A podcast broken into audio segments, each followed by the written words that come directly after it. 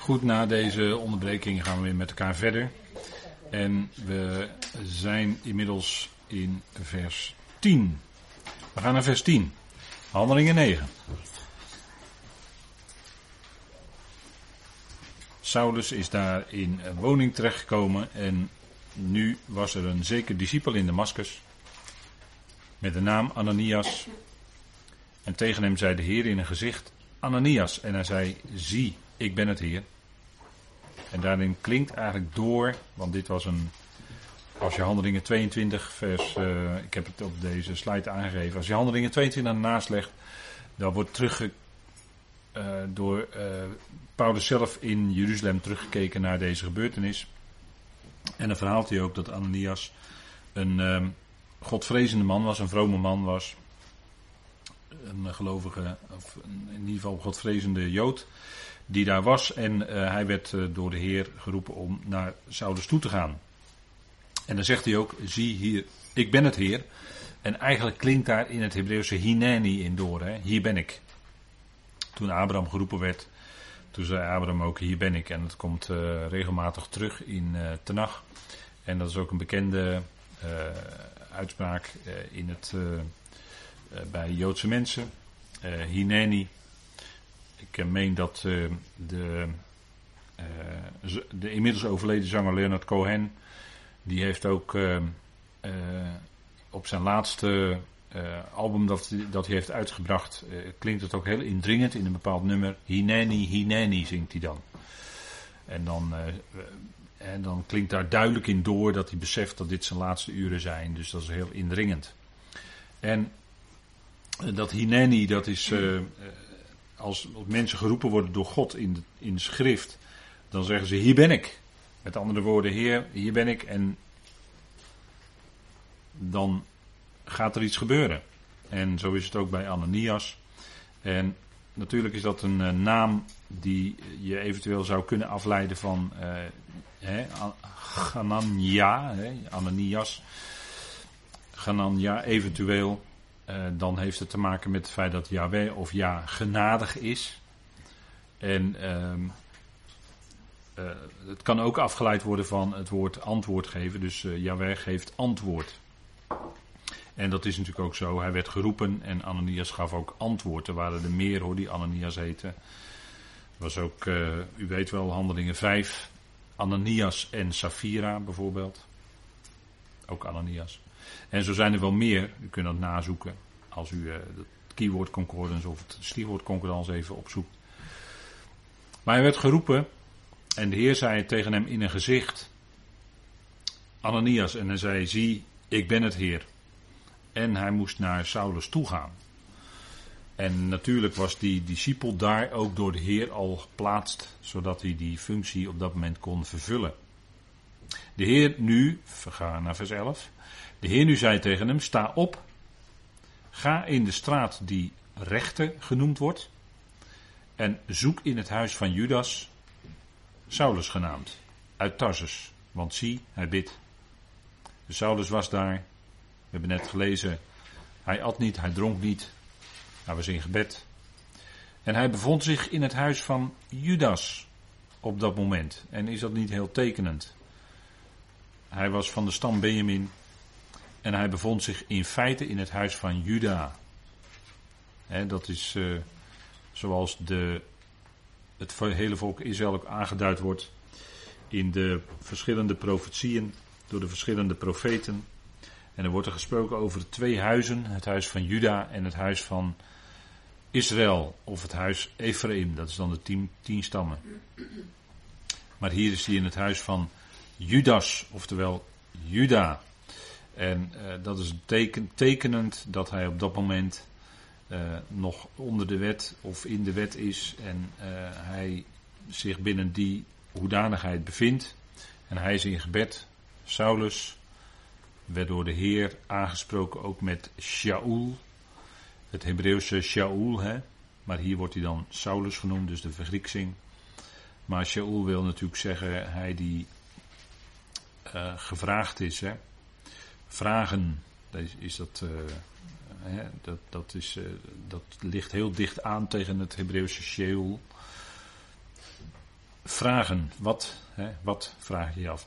Saulus, uit Tarsus. Zie, hij bidt. Ananias moest naar hem toe gaan. En als het woord genade inderdaad in die naam van Ananias zit, dan is het natuurlijk heel mooi. Want dan is degene die in persoon zijn naam draagt van de genade van God, de genade van Yahweh, gaat naar Saulus toe. Hij bidt. En dat is natuurlijk altijd uh, het antwoord. Hè. De Heer had hem geroepen. En hij was in gebed. En ik denk dat het ook in ons leven zo vergaan is. Dat als wij eenmaal geroepen zijn door het evangelie. En we hebben de Heer daarvoor gedankt. En we zijn gelovigen. Dan is daar dat gebed in ons leven. Ik denk dat het goed is om. Als je met dingen zit. Dan dat je God daarin bidt om wijsheid. als je nou met een uh, problemen zit. Dan is het natuurlijk heel makkelijk om allerlei websites te gaan bezoeken voor antwoorden. Of allerlei andere mensen of medegelovigen op te zoeken voor antwoorden. Maar ik denk dat als wij als gelovigen wijsheid nodig hebben, dat we allereerst God erom zouden vragen. God die de bron is van alle wijsheid. En dat we bij zijn woord te raden gaan om antwoorden te krijgen. En ik denk dat dat het meest wijze is wat je kunt doen als gelovige. Ga bij de Heer zelf te raden. Christus, ons hoofd, die wordt genoemd de wijsheid van God. En kijk, Gods wijsheid is het dat we daarom kunnen bidden. Voor de pauze noemde ik eh, het gebed van Paulus uit Efeze 1 om de geest van wijsheid en onthulling in de erkenning van Hem. Daar staat wijsheid voorop. Hè? Dat we allereerst ons bewust zijn in welke tijd wij leven. En dat wij voor heel veel dingen natuurlijk aan God kunnen vragen. Maar dat wil helemaal niet zeggen dat God ook die vraag beantwoordt op een manier die wij graag willen. daar hebben we het laatst ook met elkaar over gehad. Als je twee boeren hebt die verschillende dingen doen op, een, op hun akker in hetzelfde land. Dan gaat de ene boer gaat bidden om regen en de andere gaat bidden om droogte. En wat moet God nou doen? Moet hij nou regen geven of moet hij nou droogte geven? Dus het punt is dat, uh, kijk, uh, Jacobus die zegt dat ook. Hè? Als je nou met dingen zit, ga naar God. Leg daar God voor. En kijk uit, hè, in de zin van kijk naar wat God dan gaat doen. En het kan best zijn dat God in zijn wijsheid heel iets anders gaat doen in jouw leven, in uw leven, in mijn leven, dan wat wij menen wat goed is. We hebben net in Spreuken toch gelezen dat uh, de overleggingen van het hart van de mens vele kunnen zijn. En wat moet ik nu in mijn situatie, wat is nou wijsheid in mijn situatie, wat moet ik nou doen? Je kunt allerlei overleggingen erbij hebben. Maar dat wat God bedoelt in jouw leven, dat zal gebeuren. En dat is zijn wijsheid. Dat is zijn liefde. En dat kunnen natuurlijk best dingen zijn die, waar wij grote moeite mee hebben. En het thema van lijden en verdrukkingen ligt heel dicht bij ons als gelovigen. En dat wij moeite hebben, vele moeite misschien wel, en veel lijden in ons leven, ja. Maar het, God werkt zijn plan en zijn bedoeling uit ook in ons persoonlijk leven. En de apostel Paulus die bad later, toen hij veel lijden meegemaakt had. En toen had de Heer tegen hem gezegd, Paulus, mijn genade is jou genoeg. Want mijn kracht wordt juist in jouw zwakheid zichtbaar. En is het niet daarom dat wij vaak in ons leven die zwakheid kennen? Het is al een vorm van zwakheid dat wij ermee zitten van wat is nou wijsheid in deze situatie? Dat is onze zwakte, want wij weten niet wat morgen moet gebeuren, wat goed is. God weet het wel. Dus dat is een enorme zwakte van ons. En wat kunnen we dan beter doen naar die grote God, die onze Vader is, toegaan en het aan Hem voorleggen. En dan kijken wat Hij gaat doen. En wij zijn als mensen vaak uh, snel, vlug, anticiperend. Dan hebben we het al gedaan. In plaats van dat we heel even. Wacht nou even. Wacht nou even. Wacht nou even wat God gaat doen. En dat is voor ons heel moeilijk. En zo leerde de apostel Paulus natuurlijk in zijn leven. Zo leren wij in ons leven. Dat God stap voor stap en dat God gewoon de tijd neemt. Wij willen problemen direct opgelost hebben, instant. Hè, net zoals we koffie, uh, snelfilter, uh, een filterzakje, snelfiltermaling, heet water erop, gelijk koffie. Instant, dat willen wij graag. God niet, God werkt anders. God werkt vaak dat het, uh, dat het even duurt. Kost even tijd, ja. Want God is bezig dingen uit te werken. En dat kunnen we gerust aan Hem overlaten. Hij is de ultieme wijsheid. En uh, ja, nou goed, sla, sla, dan die schriften erop na. En je vindt antwoord. En een antwoord is ook, een antwoord is ook, als wij menen dat er geen antwoord komt. Dat is ook een antwoord. Dat, dat had uh, Saulus ook, hè? daar had ik het net over. Mijn genade is jou genoeg. U kent het gedeelte 2 Korinthe 12, doren in zijn vlees. God nam het niet weg. Saulus, of Paulus wilde natuurlijk graag dat die doren uit zijn vlees weggenomen zou worden. Die boden van de tegenstander die hem met vuisten sloeg. Paulus wilde dat het van hem, van hem weggenomen werd. God deed het niet. God deed het niet, nam het niet van hem weg. Paulus, en vul dan maar je eigen naam in. Mijn genade is je genoeg. Want mijn kracht, zegt de Heer, wordt in jouw zwakheid, gelovige, zichtbaar. Juist als jij zwak bent, dan blijkt die kracht van God. Dat is het wonderlijke. Hè? Hij bidt. Denkt goed de goede zaak is als we biddende mensen zijn. Hij heeft een man gezien, gaan naar vers 12, in een gezicht. Met de naam Ananias binnenkomend en op hem de handen leggend, zodat hij, zodat hij zicht ontvangt. Kijk, dat woord gezicht is een, uh, dat kun je ook vertalen met visioen. Dat is wat je ook bij uh, Johannes op Patmos in openbaring tegenkomt. Dan, dan, Johannes was natuurlijk overgezet in de geest in de dag des Heren. Hè, zegt, uh, en dan ziet hij bij gelegenheid een aantal dingen. En dat zijn visioenen. En daarnaast heb je ook een ander woord. En dat heeft te maken met verschijning. Dat er bijvoorbeeld daadwerkelijk een boodschapper van de Heer Bijvoorbeeld bij Zacharias, hè, toen Johannes geboren moest worden. En toen kon Zacharias niet praten totdat hij geboren werd. Uh, toen verscheen er een boodschapper van de Heer, die verscheen daadwerkelijk aan Zacharias. En dat was daadwerkelijk een boodschapper die bij hem was. dus dat was een verschijning die echt bij hem in die ruim, in een tempel of waar dan ook was. Maar als, een, als iemand een gezicht ziet, dan zie je iets, hè, bijvoorbeeld. Uh, Petrus, Johannes en Jacobus bij de verheerlijking op de berg. Toen werd de Heer veranderd en waren Mozes en Elia bij hem. En dan kregen ze eigenlijk een visioen van hoe het in het koninkrijk zal zijn. Kijk, Mozes en Elia waren toen niet letterlijk op die berg. Toen die drie discipelen daar waren ook, bij de verheerlijking op de berg. Toen waren Mozes en Elia daar niet. Nee, die zijn dood. Dus zij kregen een visioen, hè, en dat kun je dan vertalen met een gezicht. En ze zagen dan, nou dat is hier ook, dat woord wordt hier gebruikt. Hij heeft een man gezien in een gezicht met de naam Ananias binnenkomend en op hem de handen legt. En dat zou later natuurlijk ook heel snel daarna gaan gebeuren bij Saulus. Dat daadwerkelijk die Ananias binnenkwam. Maar in dat gezicht was het nog niet zo. En op hem de handen leggend, zodat hij zicht ontvangt. dat is uh, de, de, handen opleggen, betekent uh, kan betekenen vereenzelvigen met. Hè, dat is bekend van de Yom Kippur. Als de hoge priester de handen op de kop legde van het, van het dier. Het betreffende dier, de zondebok, weet u wel. Dan werden daar de zonden van het volk opgelegd. De symbolische handeling, de handen opleggen. Hè, dat is iets wat in, in die tijd gebeurde. En da daardoor werd ook bijvoorbeeld de, de, de, Heilige Geest medegedeeld aan mensen. Maar dat is iets wat nu niet, nu niet in die zin van toepassing is, hè, de handen opleggen. Maar dat, wat, dat had hij gezien. Goed, we gaan naar vers 13. Ananias echter antwoordde: Heer, ik heb veel gehoord over deze man, hoeveel kwaad hij uw heiligen in Jeruzalem gedaan heeft. Dus zo stond Saulus bekend. Men kende hem, maar in negatieve zin. Hij had de gelovigen veel kwaad berokkerd en dat was natuurlijk overal rondgegaan. Voor Saulus moet je uitkijken, want desnoods eh, sleurt hij uit je huis en neemt je mee. Hij was vijandig richting Jezus. Hij was vijandig richting de volgelingen van Jezus, maar ten diepste was hij vijandig richting Jezus zelf.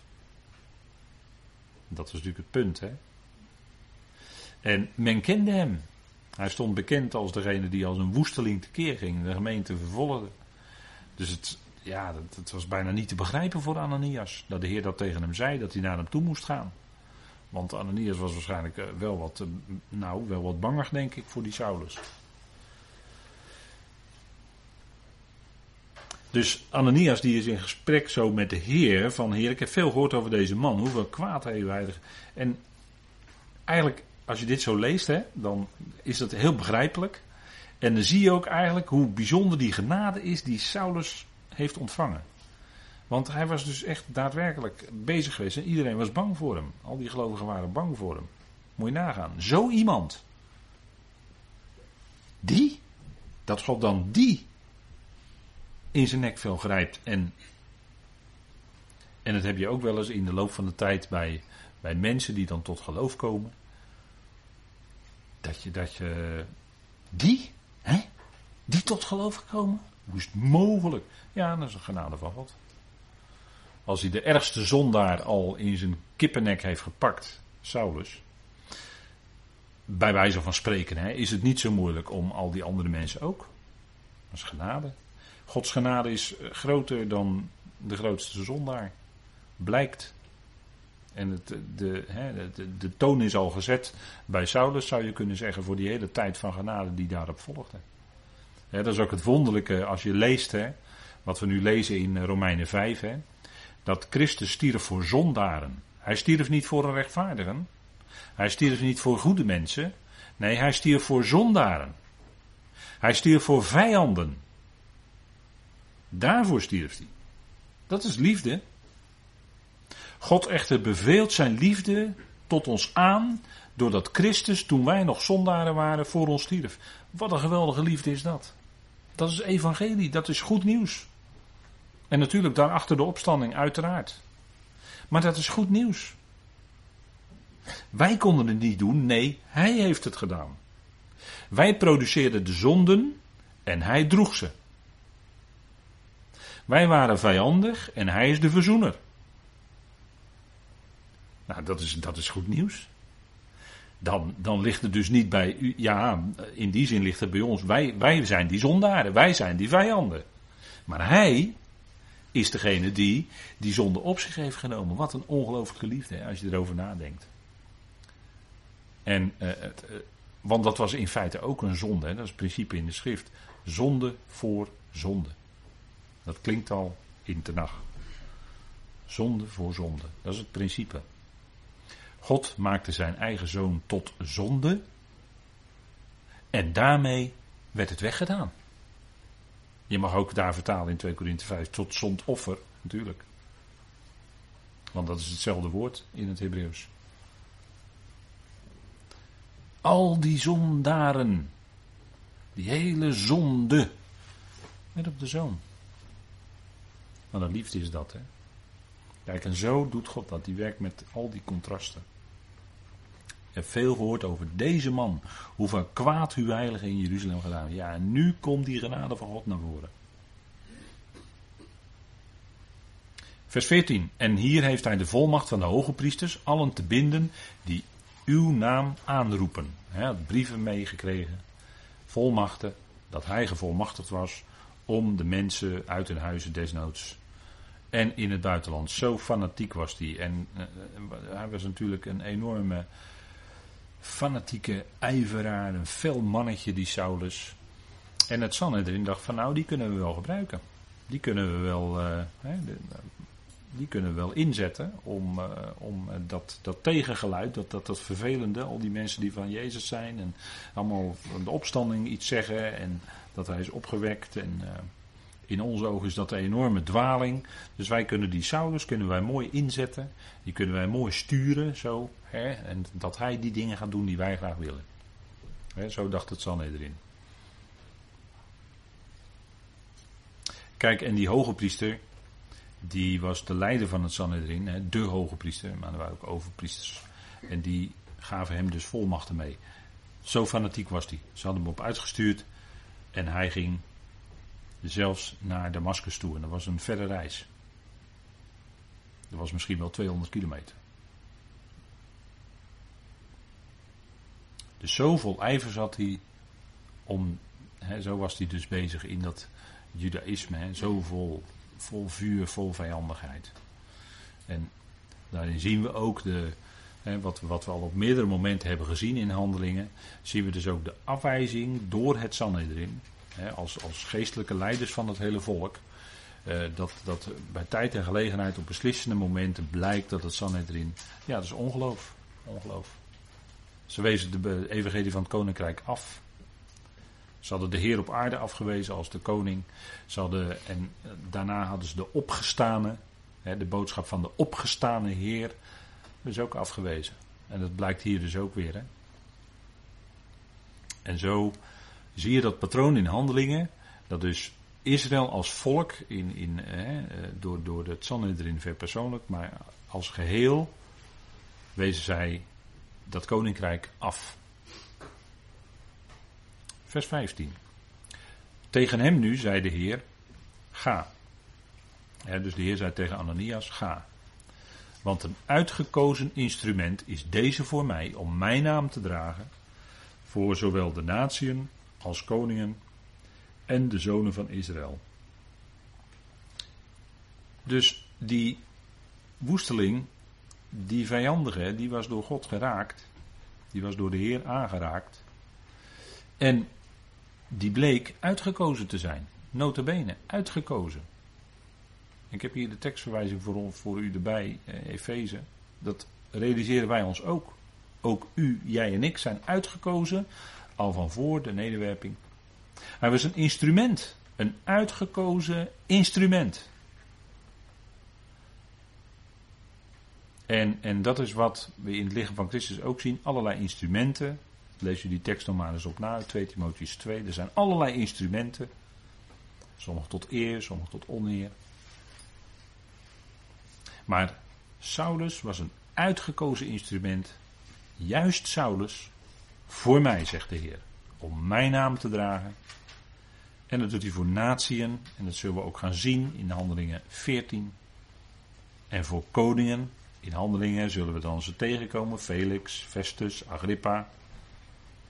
En de zonen van Israël natuurlijk zou hij ook naartoe gaan en in zijn opdracht als brenger van de boodschap van het koninkrijk, want dat gaan we ook zien, dat Saulus een dubbele bediening in feite had wat we in handelingen lezen, heeft meestal te maken, hè, vrij, vrijwel altijd te maken met die verkondiging van dat koninkrijk. En dat is wat Saulus ook moest doen. En daarnaast predikte hij dat evangelie van genade wat aan hem was toevertrouwd. Het evangelie van de natieën, van de vooruit. En dat heeft als doel de roeping van de gemeente. Dat, is, dat zijn die twee bedieningen die Saulus in zijn leven deed. En dat maakt het wel eens moeilijk om handelingen goed te lezen. Vers 16. Daar staat, want ik zal hem te kennen geven hoeveel hij moet lijden voor mijn naam.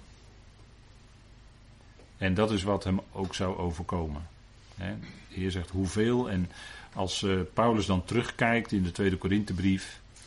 We hebben net al even aan, aan, aan aangehaald. Hè, de 2 Korinthe 12. Maar 2 Korinthe 11 zie je ook een indrukwekkende lijst. Die uh, Paulus daar opnoemt, opsomt. Van lijden diverse keren schipbreuk geleden. Hij is gestenigd geworden. Hij heeft uh, diverse keren de 40 min 1 stokslagen van, uh, van de wet, hè, staat in de wet. 40 min 1 stokslagen gekregen.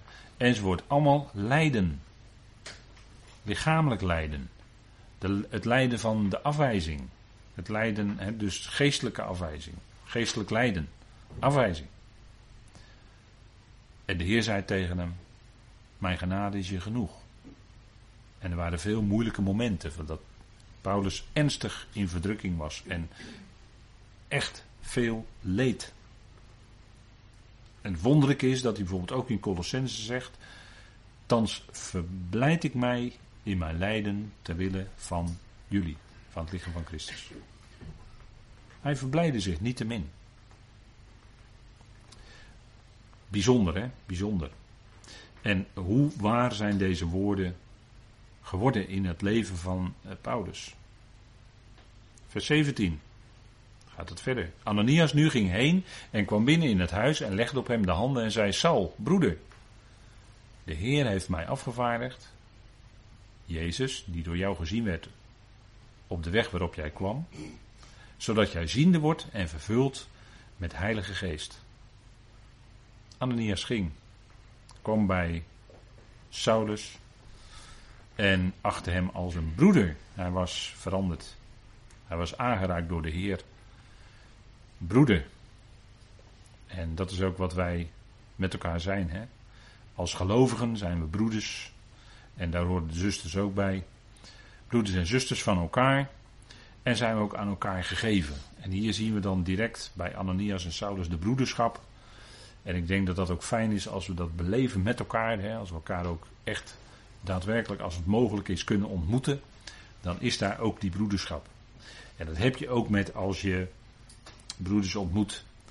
Eh, zoals we dat hebben kunnen meemaken een keer in Engeland. Als je broeders ontmoet in Duitsland. Dan is daar die broederschap. En dat is heel fijn. Dan heb je die blijdschap, dan deel je met elkaar datzelfde woord. Je deelt dat evangelie van genade. Paulus, ja, dat is bijzonder. Dat is fijn, heel fijn. Heel fijn. En ik denk dat dit toch ook een vreugdemoment was voor Ananias om dit te kunnen doen. Want de Heer had hem overtuigd. En hij mocht iets fijns doen, de handen opleggen, zodat je ziende wordt en vervuld met Heilige Geest. Dat is wat, wat Paulus later zelf de gelovigen ook toe zou oproepen. Wees vervuld of wordt vervuld met Heilige Geest. Of laat het woord van Christus rijkelijk in jullie inwonen. En dat is ook fijn als je dat uh, vervult met Heilige Geest. Dat is, dan, dan, dan wordt die vrucht van de geest ook zichtbaar. In, in de dingen die je doet, in de dingen die je zegt, in de dingen die je zwijgt. En die, die vrucht van de geest is heel fijn. Worden, dat, dat, werkt, dat werkt naar anderen toe uit. Hè? Die, die liefde van God, die vreugde die je met elkaar hebt.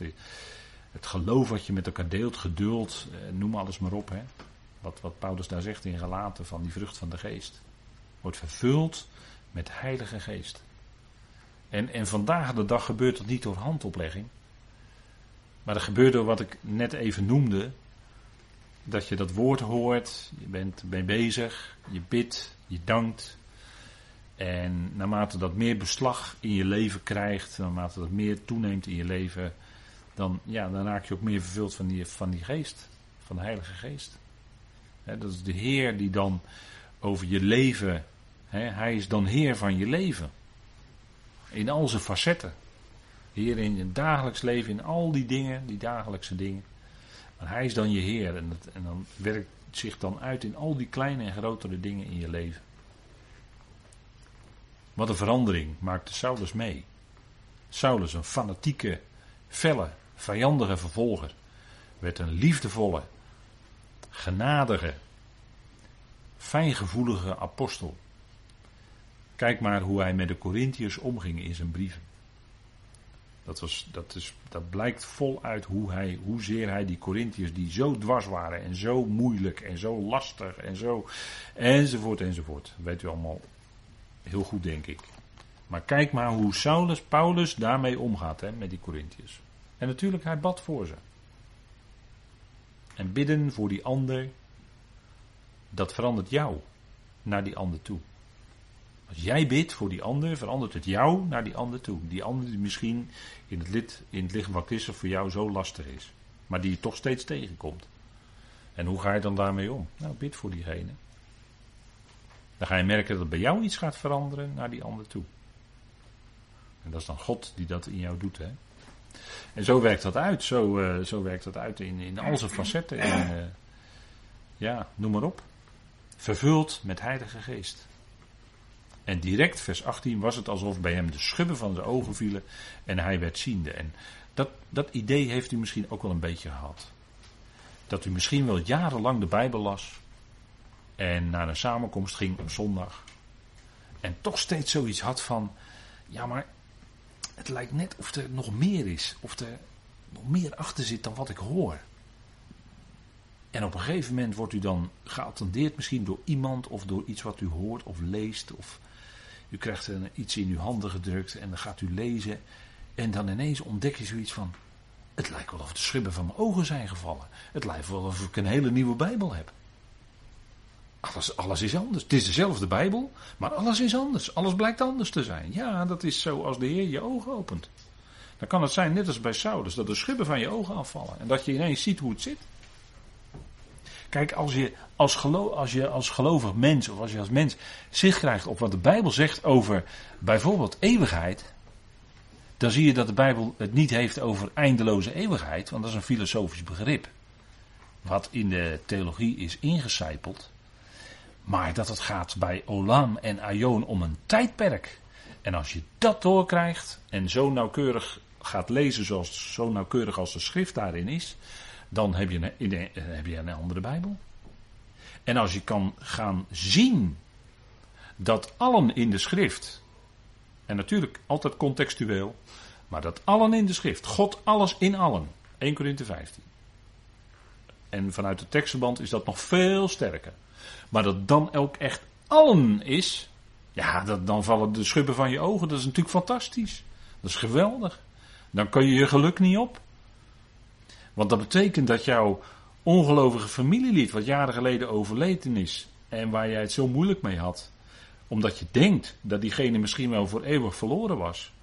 Maar als je dit gaat verstaan, wat de schrift werkelijk zegt, dat God echt de redder is van alle mensen, ja, dat is natuurlijk fantastisch. Dat, dan heb je een hele andere, ja, dan heb je een hele andere kijk. Dan weet je dat, dat het ook niet van jou afhangt en noem maar op. Dat het genade is. De schubben van de, vallen van de ogen. Kent u dat? Ik persoonlijk heb dat wel meegemaakt. En dat is, dat is heerlijk. Als je echt gaat nazoeken, en dat heb ik ook gedaan hoor, heel erg checken, is het echt zo? Tekst voor tekst checken, is het echt zo? Ja, het is echt zo. Dat is geweldig. Heer, dank u wel. Daar kun je niet anders dan blij zijn. Dan, en dan blijf je ook blij van binnen. Bovendien werd hij opgestaan, ook gedoopt. En voeding nemend sterkt hij aan. En hij nam dan enige dagen bij. Hij kwam dan enige dagen bij de discipelen in Damascus. Dit was natuurlijk dat hij gedoopt werd in water. Was natuurlijk in de lijn van het koninkrijksevangelie. Dat hebben we ook al in handelingen gezien. Bijvoorbeeld bij de, bij de, uh, bij de Uinig uit uh, Kanderzee, weet u wel. De kamerling van het Morenland, of hoe je het ook zeggen moet. Maar die werd ook gedoopt. Maar dat was helemaal in het kader van het koninkrijk. Werden mensen in water gedoopt. En dat was alleen, eigenlijk is de doop in water alleen maar een type van de werkelijke doop, waar het werkelijk om gaat, is de doop in de geest. En in handelingen zie je ook dat de waterdoop, de doop in water, steeds meer op de achtergrond raakt. En dat de geest, de doop in de geest, raakt steeds meer op de voorgrond. Dat, dat is een duidelijke lijn in handelingen. En in deze tijd is het zo dat de, de doop waar het om gaat, is de doop in de geest. En dat is niet een aparte ervaring, maar dat is wanneer jij tot geloof komt. Dan word je gedoopt in de geest en toegevoegd aan het lichaam van Christus. Terwijl de Heer jou natuurlijk al lang kende. Dat is wat anders. Maar je wordt toegevoegd op dat moment. Hè, we zijn allen in één geest, zegt Paulus in 1 Corinthië 12, naar binnen dat ene lichaam gedoopt. Geest. Daar wordt niet gesproken over water, maar over geest in 1 Korinthe 12. Zo wordt u toegevoegd aan het lichaam van Christus. En de doop in water, dat is iets wat te maken heeft met koninkrijk. Dat is iets uiterlijks wat aan het vlees gebeurt. Maar dat speelt in deze tijd geen enkele rol.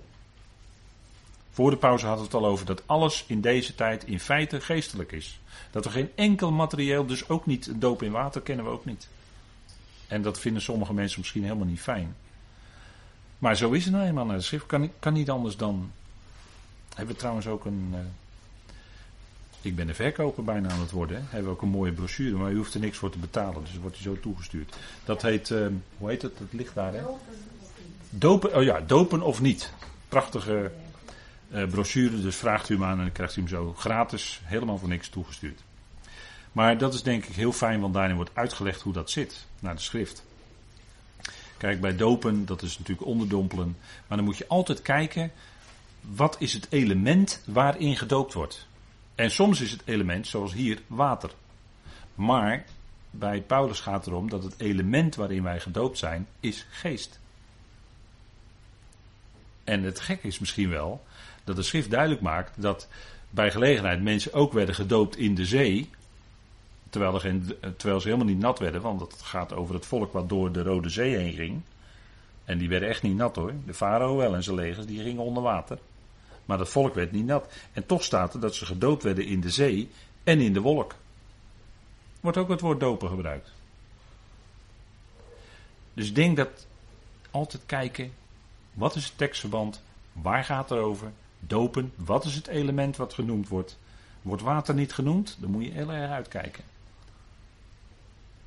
Nou, zo is het dat bij Saulus direct al. Hij was natuurlijk een eh, geleerde, hij was opgevoed aan de voeten van Gamaliel, dus hij wist veel van Tenach. En terstond verkondigt hij in de synagoge, vers 20, Jezus dat deze de zoon van God is. Nou, dat is natuurlijk een, een revolutie in die tijd.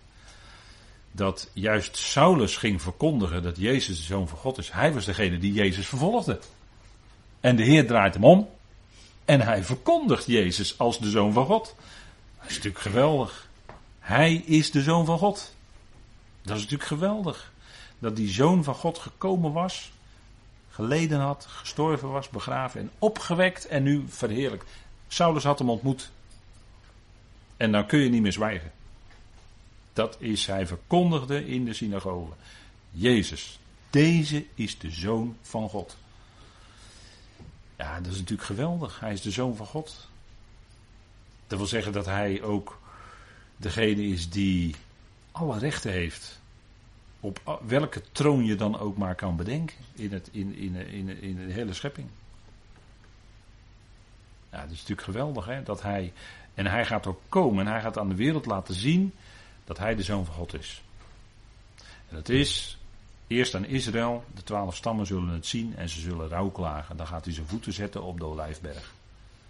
En dan zullen ze zien wie ze doorstoken hebben. Jezus, de Zoon van God. Dat Hij in feite zichtbaar is wie Yahweh voor hen is. En is het einde, dat, dat luidt het einde in van dat verschrikkelijke dictatoriale wat dan nog er is van de antichrist, van de wetteloze. Maar daar gaat hij dan een einde aan maken als hij zijn voeten zet op de Olijfberg. Einde van heel wat ongeloof dan hoor, want dan de zul ziet, ja daar is hij. Daar is hij. Jezus, de Zoon van God. Yahweh is redder. Wat een geweldige naam hè. De naam boven alle namen is aan hem gegeven. Hij is de Zoon van God. Ik denk dat we ja, hierin wel zien dat die geweldige kracht van de geest van God zo groot is. Dat hij op één moment iemand die als een woesteling tekeer ging, omdraait. En even later verkondigt hij zelf in de synagoge. Jezus. En daar gaat het maar om. Het punt is dat, uh, Paulus zegt later ook in zijn brief, hè, dat uh, in de tweede Korinthebrief is dat, meen ik, uh, daarin zegt hij, kijk, wij verkondigen niet onszelf, maar wij verkondigen Christus Jezus als Heer. Dat is punt. En een verkondiger is, uh, hè, predikers, die kunnen soms in de verleiding komen om eigen dingen, eigen, noem alles maar op. Maar om wie gaat het dan eigenlijk? En, en als er ook prediking is, en er is vandaag dag nog veel prediking in kerken en groepen. Maar het punt is dat wordt hij dan verkondigd? Want de verkondiging is in feite een persoon. Dat is hij. Jezus, de Zoon van God. Hij is het evangelie.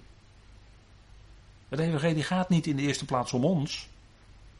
Nee, het evangelie draait om God en zijn Zoon. Daar gaat het om. Die staan centraal in de prediking. En dat is wat Saulus hier ook ogenblikkelijk doet. Jezus, hij verkondigt Jezus, de Zoon van God. En dat is wat wij ook daarna met hem mee mogen doen. Christus Jezus als Heer verkondigen. Het gaat niet om ons. In die zin zijn we totaal niet belangrijk. Nee, Hij is belangrijk. Hij is de Heer. Hij is het hoofd. Daar gaat het om.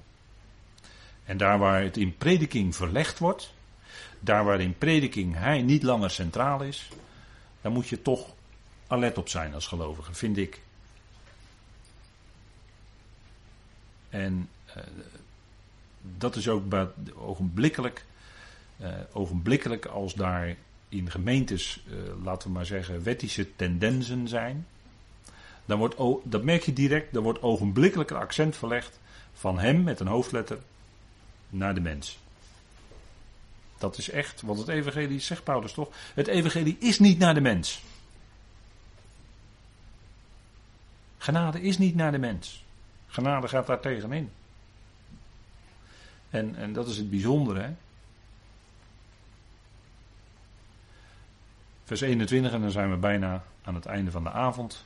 Om het af te ronden. Allen die nu die het horen waren ontsteld en zeiden: Is dit niet hij die in Jeruzalem verwoest heeft wie deze naam aanriepen? En hiervoor was hij hier gekomen, opdat hij hen gebonden zou leiden naar de overpriesters. Dat, mensen waren natuurlijk ontsteld.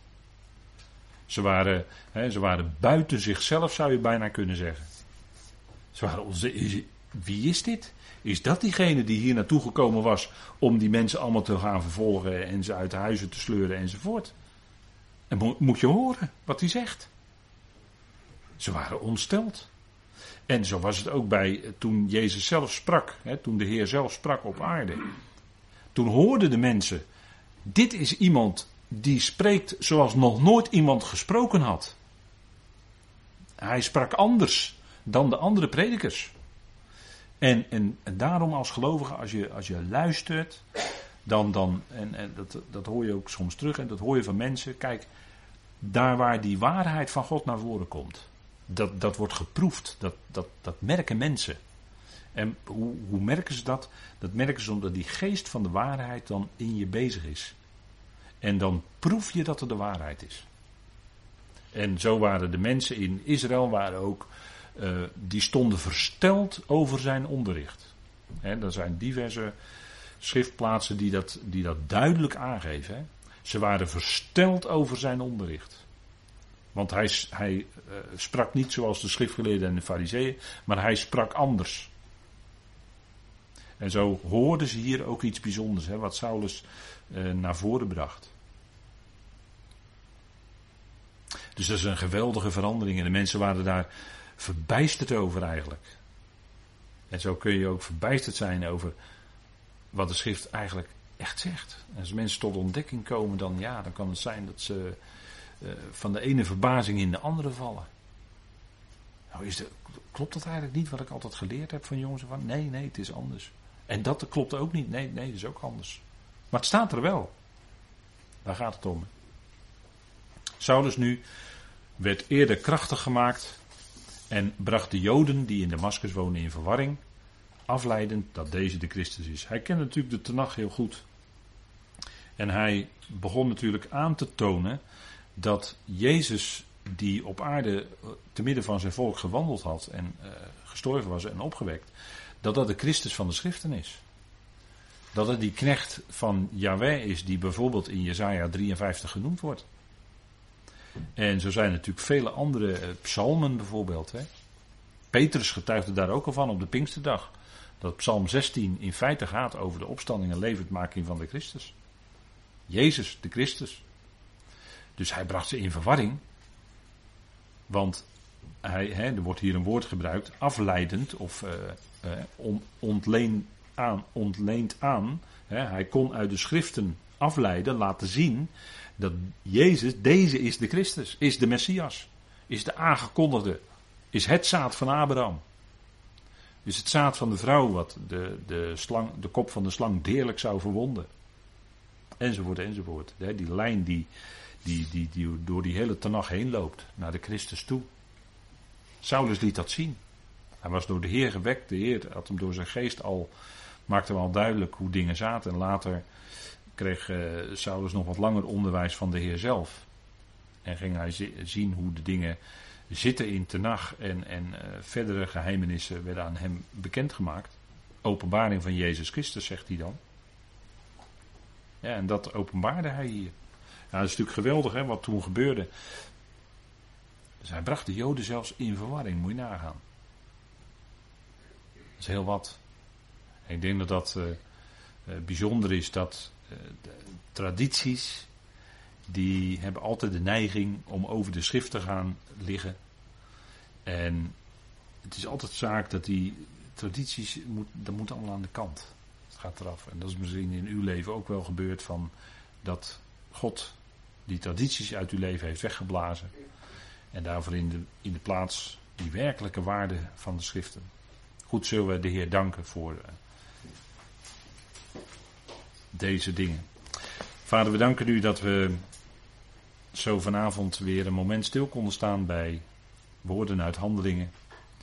Hoe het in het leven van Saulus ging en een geweldige ommekeer hij meemaakte. Genade. Zuivere, heerlijke genade. Vader, dank u wel dat dat ons werkelijk vrijmaakt. Zoals het Saulus vrijmaakte. Van tradities. Van allerlei dingen die in de weg zaten. Zijn eigen vlees. Vader, dank u wel dat het genade is dat u ons geroepen heeft tot het lichaam van Christus. Dat het genade is dat wij in de loop van de tijd wat meer dingen zijn mogen gaan verstaan uit de schriften. Vader, ook dat is genade.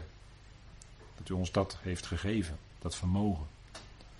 Vader, dank u wel dat u door uw geest in ons werkt. En Vader, doe het zo zijn dat ook onze levens vervuld zijn met Heilige Geest. Dat we leven in ons dagelijks leven tot de eer van u. Vader, dank u wel dat u ons zo'n moment weer gaf om te overwegen vanuit de schrift wat het te zeggen heeft. En dat is heel erg rijk en dat is heel erg veel. We danken u, Vader, voor wat u zo wilde geven deze avond. We danken u voor de gastvrijheid hier. Voor mensen die ook op afstand, mede gelovigen die ook op afstand het mee hebben gemaakt. Dank u wel voor al die harten. Dank u wel voor al die levens. Dank u wel dat we voort mogen gaan en uit mogen zien. We danken u, Vader, dat we in die geweldige verwachting leven. Elke dag weer. Wees met hen die het moeilijk hebben, die te maken hebben met ziekte, ziekenhuisopnames, behandelingen, revalidatie. Vader, u bent nabij. Ook daar waar het zo uitzichtloos lijkt en de dagen zo lang kunnen zijn. Vader, wilt u hen nabij zijn, ondersteunen, bemoedigen, versterken. Vader, we danken u zo voor alles wat u wilde geven. En we danken u dat die heerlijkheid van u zo groot zal zijn, Vader, dat, dat hadden we niet kunnen vermoeden.